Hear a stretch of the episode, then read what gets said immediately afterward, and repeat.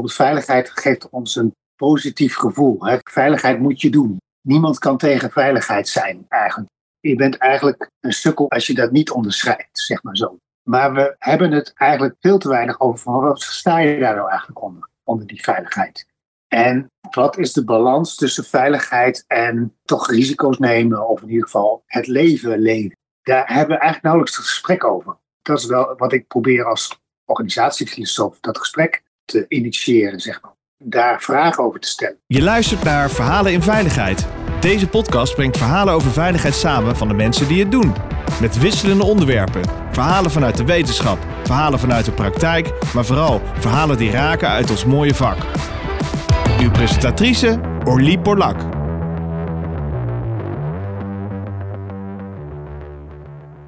Welkom eh, luisteraars, het is weer uh, tijd voor een uh, mooie podcast. Ik zit in de studio met Ben uh, Kuiken. Hij is organisatiefilosoof, promovendus en schrijver. En dit is de eerste keer dat ik een organisatiefilosoof in de podcast heb. Dus ik vind dat eigenlijk wel heel erg leuk. En ik heb ook echt geen idee wat ik daar me bij voor moet stellen. En helemaal niet eigenlijk in het vakgebied waar ik me mee bezig hou. Dus voor mij was het ook een uh, logische vraag om jou, Ben, te vragen hier. Hartelijk welkom. Leuk dat je er bent. Ja. Ik vind het een beetje spannend. En ik ben heel benieuwd wat ik allemaal zelf ook ga leren in, uh, in dit gesprek. Dus dat is leuk. En ik hoop de luisteraar denkt ook van, ja, wat is dat nou? Ik wil het ook wel eens weten. Dus ik dacht, uh, Ben, laten we gewoon helemaal bij het begin beginnen. Ja. Wat is nou de rol van filosofie in veiligheid? Hoezo? Dat is al meteen een hele lastige vraag voor een filosoof. Want eigenlijk wat je dan doet als filosoof, hè, dus we gaan meteen een beetje filosofie doen in plaats van erover praten alleen. Wat je dan als filosoof vaak doet, is dat je zegt van nou, die vragen even gaat afpellen. Dat je zegt van nou, je hebt het over de rol van filosofie in veiligheid. Dus dan kun je bijvoorbeeld denken van, nou, wat is dan bijvoorbeeld veiligheid? Daar kun je het eerst eens over hebben. Van, ja, wat verstaan we daar dan precies onder? Nou ja, dan denk ik aan gevaar, veiligheid. Ik heb het even opgezocht. Wat ik vaak doe, is naar etymologie kijken van een woord. Hè. Dus hoe is het ontstaan? Waar komt het vandaan? Nou, het heeft te maken met veilig zijn. Dan kun je vervolgens de vraag natuurlijk stellen van, ja, wat is dan veilig? Want ja, het leven dat houdt nu eenmaal bepaalde risico's in. Hè. Anders moet je misschien de hele dag thuis blijven. Dan heb je misschien minste gevaar, minste risico. Dan ben je misschien het veiligst. Maar ja, goed, dat is ook geen leven, zou ik maar zeggen. Dus veiligheid suggereert ook een beetje, hè, veilig zijn, suggereert ook een beetje dat je dus risico's kunt beheersen, controleren. En dat veiligheid een beetje maakbaar is misschien. Nou daar kun je dan als filosoof bijvoorbeeld vraagtekens bij zetten.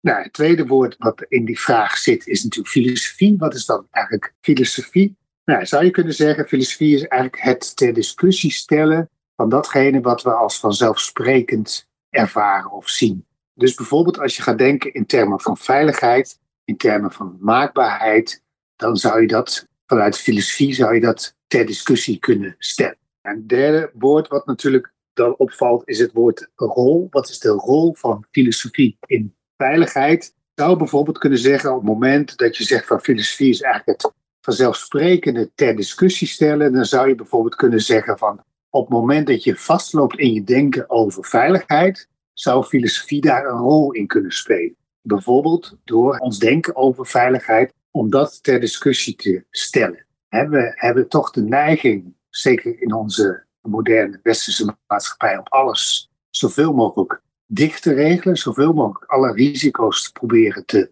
voorkomen of weg te regelen. Waardoor er steeds minder ruimte ontstaat voor het verrassende, het vernieuwende, het eigen initiatief.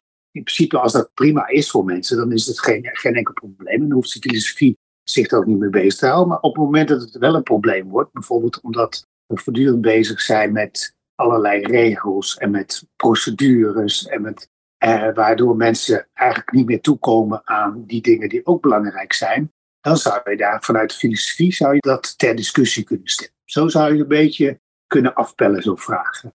En voor sommige mensen is dat best wel lastig. Als je kijkt naar uh, veiligheid, dan wordt er heel snel gedacht in iets wat absoluut is. Hè? Iets wat meetbaar is, iets wat feitelijk is, iets waar je een formule aan kan hangen, cijfertjes in kan stoppen en dan komt daar een absolute waarde uit. Een onbetwiste ja. waarde eigenlijk zelfs. Dus die conclusie trek ik bijvoorbeeld als mensen in één keer zeggen, we werken veilig of we werken niet. Ja. Terwijl we eigenlijk onszelf niet hebben afgevraagd, wat bedoelen wij daar dan mee? Nee, precies. Wat houdt die veiligheid in? Wie is veiligheid? Heeft een simpele vraag over wiens veiligheid hebben we het? Hebben we het over de veiligheid van de man die het maakt, van de man die het gebruikt, of de vrouw die het bedenkt? Hè? Dus je kan ook iets bedenken wat uiteindelijk tot straf kan leiden. Dus als ik een ontwerp maak dat niet veilig is en er stort een brug in, dan denk ik dat ik wat uit te leggen heb. Dus het is de vraag over wiens veiligheid hebben we het?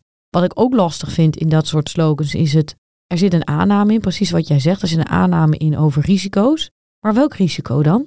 Van wie dan? En hoe dan? En als de definitie veiligheid is veilig zijn, die is tegenwoordig heel breed. Hè? We hebben het over fysiek. Hè? Je wil niet bedreigd worden eigenlijk in je bestaansrecht. Laten we het even zo plat zeggen. Van niemand mag je komen vermoorden. Je wil niet pijn hebben. Je wil niet fysiek kapot gaan.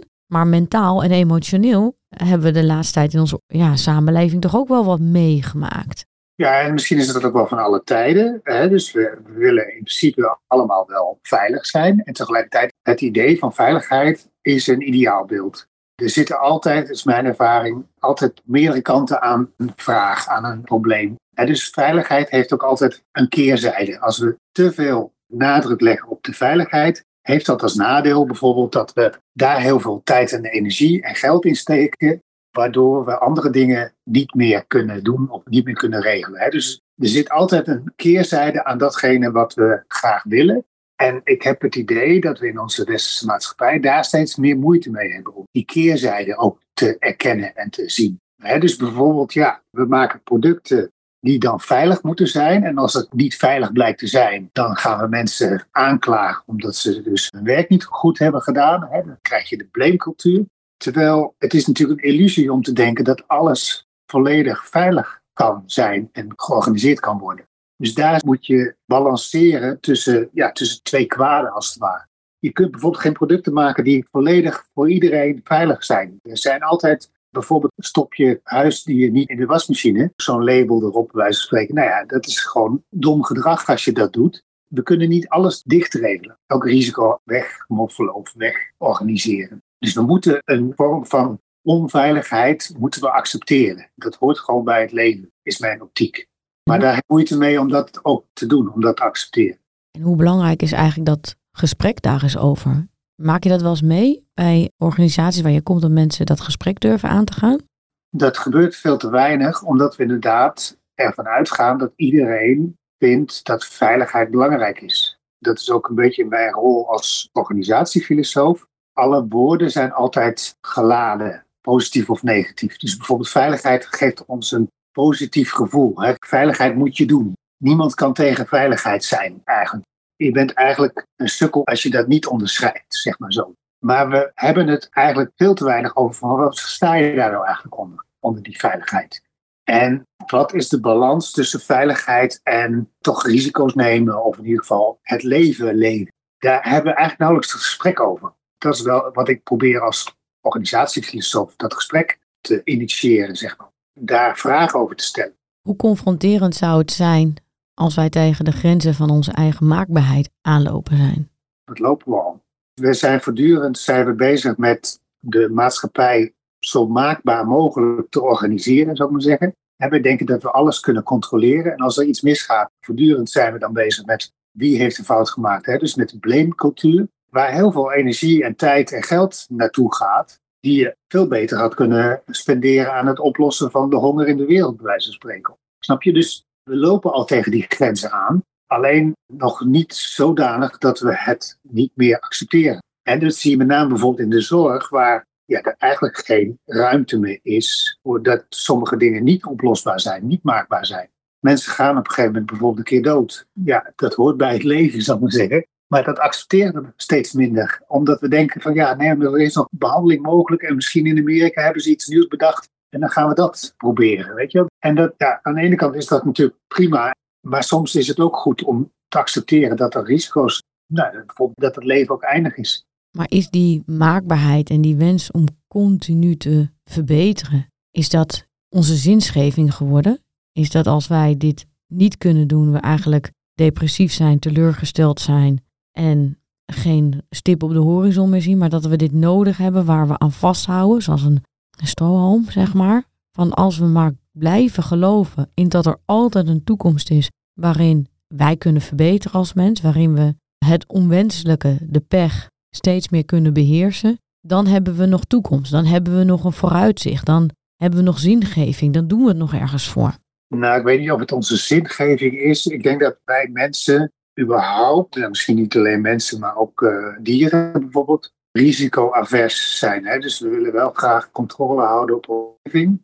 Dat hoort een beetje ook bij wie we zijn. En dat is op zich prima om dat ook te hebben. Hè? Dus die wil graag nou ja, dat je kinderen veilig zijn. Dat je inderdaad, we bouwen dan een huis om ons te beschermen tegen de weersinvloeden. Dus dat is op zich, ik weet niet of dat de zingeving is. En wij vinden het ook lastig om te accepteren dat soms dingen anders lopen. Hè? Dus dat we dingen niet in de hand hebben. Maar ik denk uiteindelijk dat dat niet de zingeving geeft. Of in ieder geval de zin is die we kunnen maken van het leven. Zeg maar. Dat gaat uiteindelijk toch meer over nou ja, liefde en over dat soort zaken. Weet je? Dus, maar het is wel zoiets van, ja, die onzekerheid die is niet fijn om te ervaren. Dus we hebben het liefst dat we alles kunnen controleren. Dus we zijn wel risicoavers. En dat is op zich, heeft ons ook heel ver gebracht. Hè. Het feit dat de aannemer of de architect goed uitrekent hoe zo'n gebouw in, of zo'n brug in elkaar moet zitten, dat is natuurlijk ook heel fijn. Dat je het vertrouwen kunt hebben als je over die brug rijdt. Dat je niet naar beneden stort, zeg maar. Dat is heel fijn dat dat zo goed geregeld is. En dat daar ook controle op uitgeoefend wordt. En aan de andere kant, het is ook vervelend dat je dan vervolgens soms geconfronteerd wordt met dat bepaalde dingen niet mogen. Dat heel veel dingen zo dicht geregeld zijn. Dus het is altijd twee kanten. En hoe vertaalt zich dit nou naar organisaties? Want je hebt de filosofie van de veiligheid. Je hebt de mens die risicoavers is en daar van alles wil doen om het zoveel mogelijk te beperken, om die maakbaarheid na te streven. Maar hoe zitten organisaties uit heel veel mensen bestaan daar nou in? Ja, nou ik denk dat organisaties ook steeds meer in de band zijn van die veiligheid, van dat controle en die maakbaarheid. Of eigenlijk zou je beter kunnen zeggen, de organisatie is het reduceren van risico's en van het verrassende en van het vernieuwende. Zoals White dat noemt, het reduceren van dubbelzinnigheid. In principe is de werkelijkheid diffuus en meervoudig en veranderlijk. En dat proberen we dus te controleren, proberen we maakbaar te houden door één werkelijkheid eruit te lichten. Van zo zit het. En als we dat maar hebben, dan hebben we een soort veiligheid, een soort vastigheid. Dus eigenlijk is organiseren is eigenlijk het reduceren van het risico. Organisaties zijn een soort smeltpunt, een soort plek waar dat allemaal bij elkaar komt. Wij organiseren onze veiligheid, onze maakbaarheid, organiseren we door middel van organisatie, zou je kunnen zeggen. Tenminste, zo kijk ik, hè, de organisatie is geen ding of iets dergelijks, maar dat is eigenlijk het proces waarmee we dus die veelvormigheid en die veranderlijkheid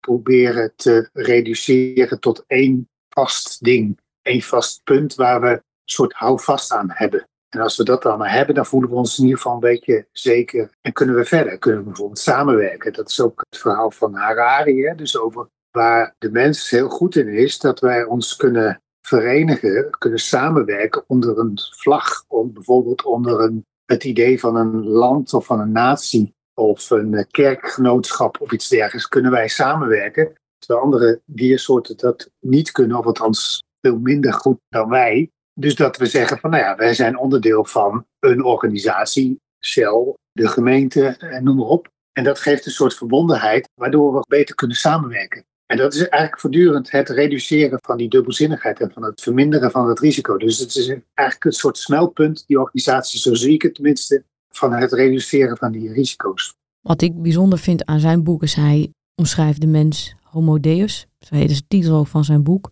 waarin de mens eigenlijk God wil worden. En wat ik bedoel met die zinsgeving, ik doelde eigenlijk op het werk van Yuval Harari, waarbij hij zegt dat mensen een onwijze drive hebben om de wereld naar hun hand te zetten en continu te verbeteren. Omdat ze maar zich toebewegen naar het zijn van een, een soort godheid, een grootheid. Van moest kijken hoe ik de wereld naar mijn hand zet. En je ziet in Amerika, zie je dat dat nu de aankomende generatie steeds minder lukt om die risico's te beheersen. Hè? Angus Deaton, econoom, heeft er samen met zijn vrouw een boek over geschreven. Heeft ook een Nobelprijs voor gekregen. Die omschrijft groepen mensen die het niet meer lukt. Die het niet meer lukt om gezondheidsrisico's beheersbaar te krijgen. Die het niet meer lukt om hun financiële risico's beheersbaar te krijgen. Die eigenlijk moeten constateren dat ze het slechter doen dan hun voorgaande generatie. En de reden waarom ik het je vroeg, is dat wij zitten in misschien Europa nog in een hele luxe positie, dat heel veel dingen nog lukken. En ik vroeg me eigenlijk af dat als je gaat filosoferen over veiligheid, je gaat filosoferen over die beheersbaarheid, zit er dan ergens voor ons een kantelpunt, ook gewoon in ons eigen waarde, op wat gebeurt er met ons op het moment dat dat dan niet meer lukt? Op het moment dat je zegt, ik loop nu tegen mijn eigen grenzen aan en ik krijg de belangen bijvoorbeeld niet verenigd, of ik kan geen nieuwe innovaties meer bedenken om bijvoorbeeld duikactiviteit, laten we ze even klein houden, duikactiviteiten veiliger te krijgen. Of ik heb de machine zo veilig gekregen, maar het lukt me gewoon niet meer om iets te bedenken waardoor het nog veiliger kan. Wat doet dat dan met ons als mens? Gaan wij dan teleurgesteld zijn in onszelf? Zijn wij teleurgesteld in de organisaties waar we werken? Want dan stort zeg maar ons droom zeg maar, van Homo Deus stort wel een beetje in. Ja, ik zit een paar dingen te denken. De eerste is, Nietzsche heeft het over de dood van God. Dus hij zegt ergens in uh, Alles Zarathustra, heeft hij het over God. Een gek loopt overdag met een lantaarn over de markt op zoek naar God. En hij zegt, we hebben God gedood. Hoe hebben we dat kunnen doen? Maar eigenlijk is de theorie van Nietzsche, we hebben God gedood. Die mensen die eromheen staan, die hebben echt zoiets van, ja, waar heb je het over? En in feite, de theorie van Nietzsche is eigenlijk, we hebben God vervangen door de mens. En de mens is een soort godheid geworden, die dus de plaats inneemt van Vroeger had je dus inderdaad het geloof in een hoger wezen, God noemden we die. En nu is de mens inderdaad een soort godheid geworden. Maar in feite is er dus niks veranderd. We geloven nog steeds in een soort godheid, maar dat is dan tegenwoordig de mens. Daar zit natuurlijk een grens aan wat wij kunnen, wat wij vermogen. En nou dat zie je natuurlijk in de hele wereld op dit moment. De manier waarop we omgaan met onze omgeving, met andere diersoorten en dergelijke. De wal keert daar ook een keer het schip, zou ik maar zeggen. De komende eeuwen gebeurt er in ieder geval iets waardoor het niet meer te. En we hopen maar dat het zich ten goede keert, zou ik maar zeggen. Dat we het voor elkaar krijgen om het tijd te keren. Maar ik heb er wel een beetje een hard hoofd in. En tegelijkertijd, die aarde die draait gewoon door. Dus die heeft er op zich niet zo heel veel mee te maken. Dus misschien is het juist wel goed dat de mens zijn plek terugkrijgt als een van de diersoorten. Maar dat terzijde. Het tweede waar ik aan moet denken, want je hebt het over het lukt niet meer. Ik moet denken aan de manier waarop de Nederlandse overheid probeert om bijvoorbeeld die toeslagenaffaire, om dat probleem aan te pakken, op te lossen. En hetzelfde geldt voor Groningen, Groningen Gas. En wat ik me wel de laatste tijd ook afvraag is van, dat lukt dus niet. Op een of andere manier lukt het de overheid dus niet. En de overheid natuurlijk zo'n containerbegrip. De overheid bestaat niet, maar dat zijn ook gewoon mensen die proberen hun steentje bij te dragen. Maar het lukte ons dus kennelijk niet meer om dat soort vraagstukken, dat soort problemen, om die aan te pakken op een manier waarop mensen weer enigszins denken van ja, dit is in ieder geval, het is bijvoorbeeld het verstevigen van die huizen. En waardoor dat komt, dat is wel een interessante vraag om daarover na te denken. Van hey, wat gebeurt er dan precies? We hebben het kennelijk zo ingewikkeld gemaakt met elkaar dat het niet meer lukt om dit soort dingen op te lossen, aan te pakken. En sowieso is het altijd maar de vraag of dingen wel oplosbaar zijn, maar dat is een andere. Uiteindelijk, die mensen van de toeslagenaffaire die blijven slachtoffer van het wat je ook doet aan compensatie en het blijven natuurlijk, hun hele leven blijven het slachtoffers. En dat gaat nog generaties gaat dat door. Dus in die zin is ook maar de vraag wat je dan verstaat onder oplosbaar. Dus daar zat ik aan te denken. En als je het hebt dan over individueel, hè, individuen die het niet meer lukt om nou, bijvoorbeeld dingen nog veiliger te maken dan ze al zijn. Volgens mij heeft dat inderdaad sterk te maken met dat er altijd een keerzijde aan die veiligheid zit. Dat zie je bijvoorbeeld en ik weet niet of dat een goed voorbeeld is, maar wij zijn bijvoorbeeld in Nederland, in het Westen, zijn we heel erg van hygiëne. dus we wassen onze handen honderd keer per dag. De keerzijde daarvan is dat we steeds minder weerstand hebben tegen allerlei bacteriën. En, dus er zit altijd een keerzijde aan die veiligheid. En ja, op een gegeven moment heb je een soort optimum bereikt. En dan kun je niet meer. Dan op een gegeven moment zijn de nadelen groter dan de voordelen. Dus daar zit volgens mij meer dat individuele.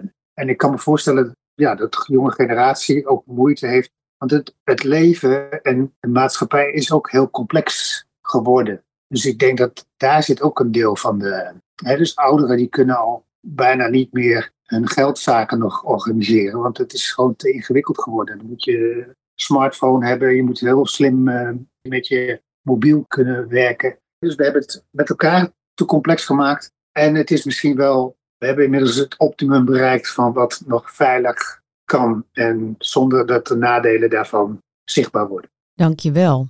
Zou eigenlijk elke organisatie een organisatiefilosoof moeten hebben? Ja, dat zou ik natuurlijk vanuit mijn vakgebied misschien wel, wel willen. En aan de andere kant, ja, elke organisatie vind ik misschien wel een beetje veel. Maar ik denk dat het wel goed is om wat vaker in organisaties na te denken over van waar zijn we nou eigenlijk met elkaar mee bezig. Welke ideaalbeelden hebben we? En laten we onszelf niet helemaal gek maken door het inderdaad het idee van dat het altijd beter kan. Of dat bijvoorbeeld dat de werkdruk dat dat oplosbaar is. Ik zeg wel eens, werkdruk hoort ook bij werk, want anders zou het geen werk heten, maar dan zou het vakantie heten. Dus altijd wel die keerzijde laten zien. En dat gun ik iedereen om op die manier te kijken naar de manier waarop we in organisaties met elkaar aan de slag zijn. Maar goed, ja, je moet er wel een beetje van openstaan, want anders dan lukt het sowieso niet als je het allemaal maar een beetje zweverig gedoe vindt. Ja, dan denk ik niet dat de organisatie filosoof veel te brengen heeft. Dan wil ik jou uh, hartelijk danken voor dit eigenlijk filosofische gesprek. Oké, okay, nou dankjewel voor de gelegenheid. Vond het leuk. Ik ook. Je luisterde naar Verhalen in Veiligheid. Wil je niks missen van deze podcast? Abonneer je dan op deze podcast in je favoriete podcastplatform. Of laat een recensie achter via Apple Podcast. Dank voor het luisteren. Graag tot de volgende.